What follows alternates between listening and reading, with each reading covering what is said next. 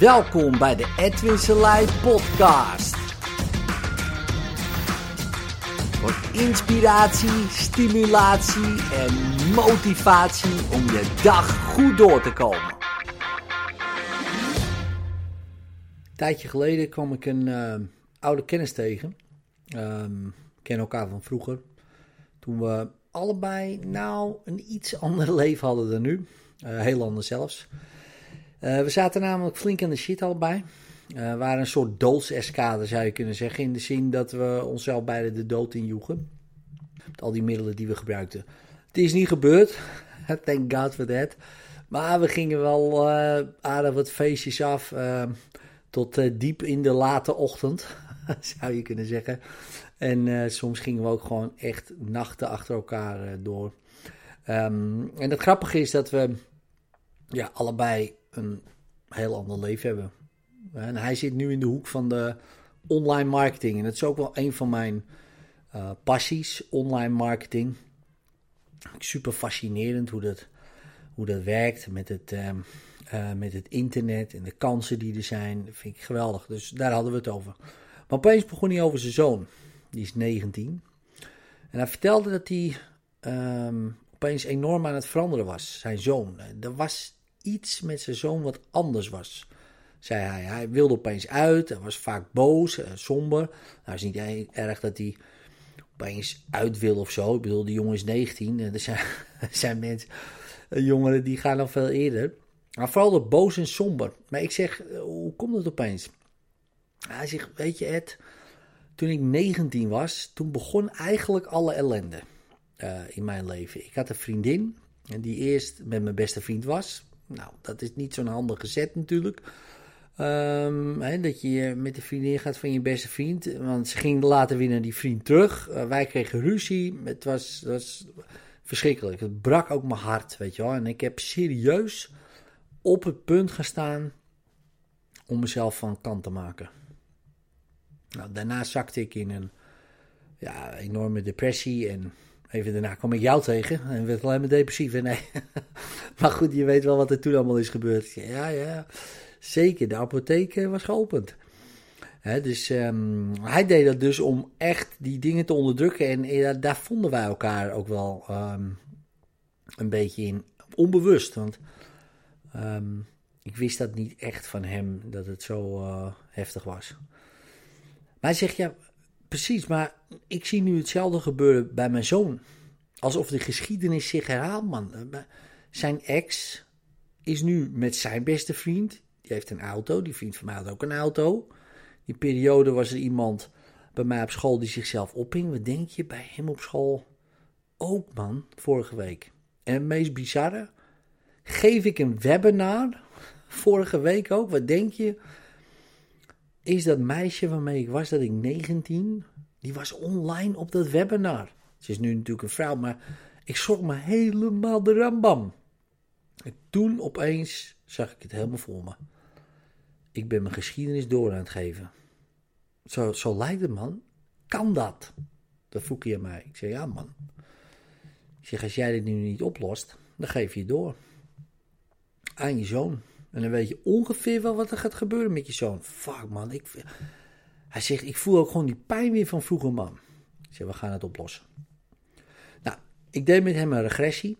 dus we gingen helemaal terug naar het allereerste moment dat het probleem ontstond. En ik hielp hem om dat trauma gewoon los te laten, helemaal op te lossen. Hij loste die pijn op, was het kwijt. Hij belt me op die dag daarna zegt thanks man, wat denk je?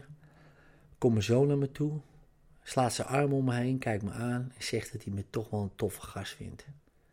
Dat heeft hij nog nooit gedaan man. Nou, hij in huil uit. En ik ook. Veranderen doe je niet alleen voor jezelf, hè? maar ook voor de generaties daarna en daarvoor. En als je wil weten hoe dat bij jou is, weet je wel, of jij nog iets hebt om misschien aan te werken of doorheen te werken. Kijk even naar je kinderen. en als je vindt dat die problemen hebben, dan is de kans zeer groot dat het bij jou vandaan komt. Bij mij komt het allemaal van mijn vrouw vandaan natuurlijk, maar dat snap je. Dat bij jou waarschijnlijk ook van je partner. Maar misschien ook niet. Ja, dus check dat bij jezelf. Want voordat je je kinderen naar allerlei faalangsttrainingen stuurt, pillen geeft, van alles aan de hand haalt om die kinderen uh, zich beter te laten voelen, is dat misschien wellicht gewoon symptoombestrijding. En ik denk, en ik weet eigenlijk wel zeker, dat als jij het in jezelf oplost, die oude pijn, het oude verdriet, die oude woede, die oude frustratie, dan los je het voor je hele familie op. Helemaal. Voor je kinderen, maar ook voor je ouders. Ook met terugwerkende kracht. Dat is zo belangrijk, man. En de meeste mensen zijn zich hier totaal niet bewust van. Echt niet. die kijken naar bijvoorbeeld hun kinderen. En zeggen, ja, het is, die kinderen doen zo. het is ook zo. Maar die doen jou. En het is heel confronterend. Ja, maar dat willen we eigenlijk helemaal niet weten. Ik ook niet. Het is veel makkelijker om het af te schuiven. Van nou, zij doen het, weet je wel. Het is hun verantwoordelijkheid. En ja, je zou kunnen zeggen dat is ook zo. Op een gegeven moment op een leeftijd. Dan is het ook hun verantwoordelijkheid. Maar is dat echt zo? Of is het gewoon jouw verantwoordelijkheid? Kijk, en nogmaals, niemand kan daar wat aan doen. Per se, in de zin van schuld. Het is niemand zijn schuld. Het is niet de schuld van uh, die kennis van mij, die, die uh, um, zich zo is gaan voelen, zeg maar. Misschien kwam dat ook wel bij zijn vader vandaan. Wat ook zo is trouwens. Maar misschien van zijn vader, misschien weer van zijn opa. En misschien nog wel verder. Geen idee. Maar ik weet wel dat het nu met terugwerkende kracht ook voor die vader is opgelost. En voor die opa en voor die overgrootvader, voor die hele lijn. Dat is zo krachtig, man. En dat fascineert mij enorm. Dat soort dingen. Hoe alles wordt doorgegeven. Goede dingen, gelukkig. Mindsets, regels, ideeën, uh, relatie-ideeën, levensideeën, regels, weet je wel. Allemaal regels van hoe ga je met mensen om, hoe ga je met je relaties om, hoe ga je met de wereld om, zeg maar. Al die regels. Ehm, die doen je kinderen ook. Als ik kijk naar mijn zoon, is heel rustig in de klas. Zo ik ook. Was ook wel heel rustig in de klas. En als je iets moet presenteren, dan verandert hij. Wordt hij ook net mij. dus in één keer ben ik gewoon. Ik ben nog steeds mezelf, maar een heel andere persoon. Uh, in de zin van andere kant van mijn persoon. De entertainer, de cabaretier, de inspirator. Ja, als ik in een groep zit, ben ik dat niet. Dan ben ik wat introverter, zeg maar. Maar op een podium ehm, juist niet. Dan ben ik anders. Nog steeds mezelf. Ik kan het zo aan of uitzetten. Maar mijn zoon dus ook. die doet mij. die is nu 16, mijn oudste zoon. Maar die doet mij nog steeds. Ja, en als je je daar bewust van bent, weet je wel, en je kijkt om je heen,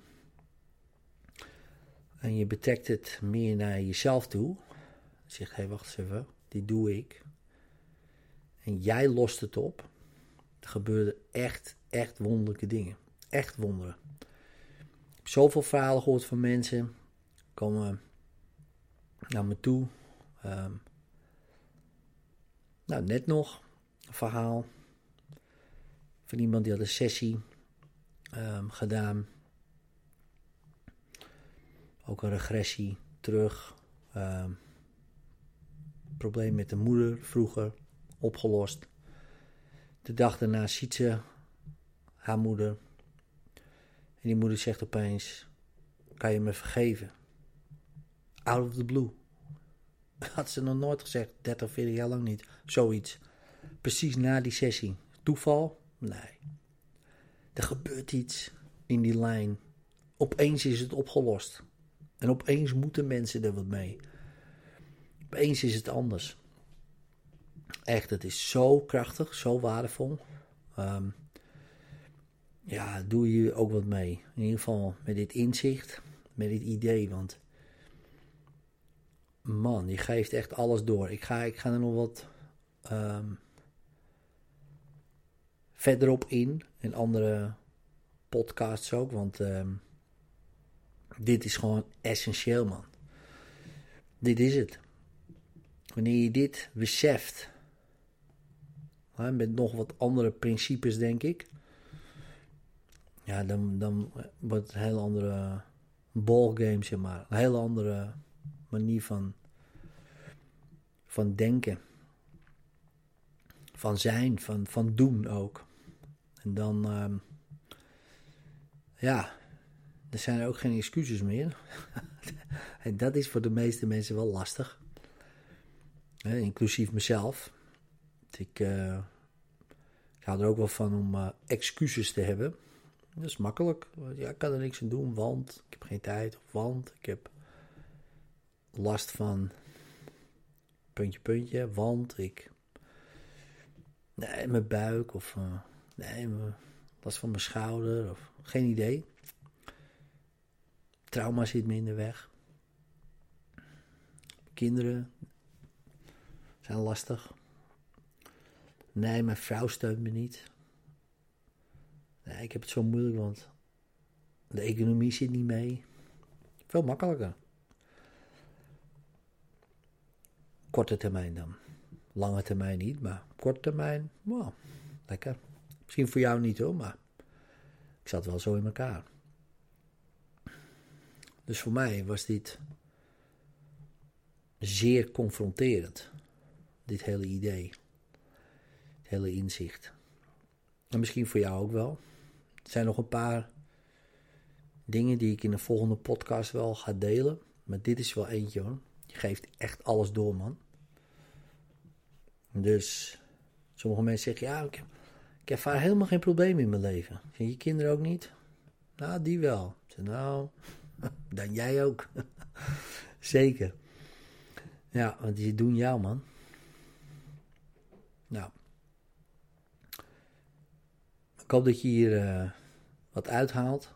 Dat je niet uh, te. in ieder geval opeens na, gaat nadenken van fuck man. Shit, wat doe ik al die gasten aan? Want het is niemands schuld. Want daar gaat het niet om. Het gaat erom dat het gewoon door wordt gegeven. En dat jij dus, dit is een kans juist. Een kans om iets te helen, iets te transformeren, iets aan te pakken, zeg maar. Wat echt um, volgende generatie en vorige generatie, zodat ze daar niet mee hoeven te dealen. Dat is juist super cool. Weet je wel. Het is niet alleen persoonlijk ontwikkelen, zeg maar. Het is gewoon eigenlijk familiair ontwikkelen, zou je kunnen zeggen. Misschien is dat wel een nieuwe term. Familiair ontwikkelen. Want het is nooit persoonlijk ontwikkelen. Misschien wel generationeel ontwikkelen. Misschien wel universeel ontwikkelen of kosmisch ontwikkelen, geen idee, maar het is nooit persoonlijk.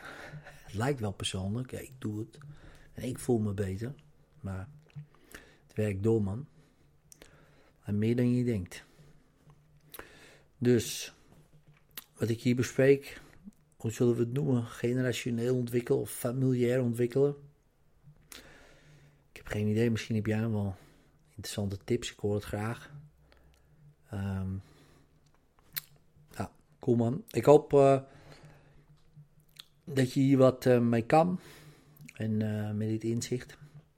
Zo met een brainwave van mij even. Dit is echt iets waar ik nu de laatste tijd veel mee bezig ben. En tot de volgende podcast. Ciao.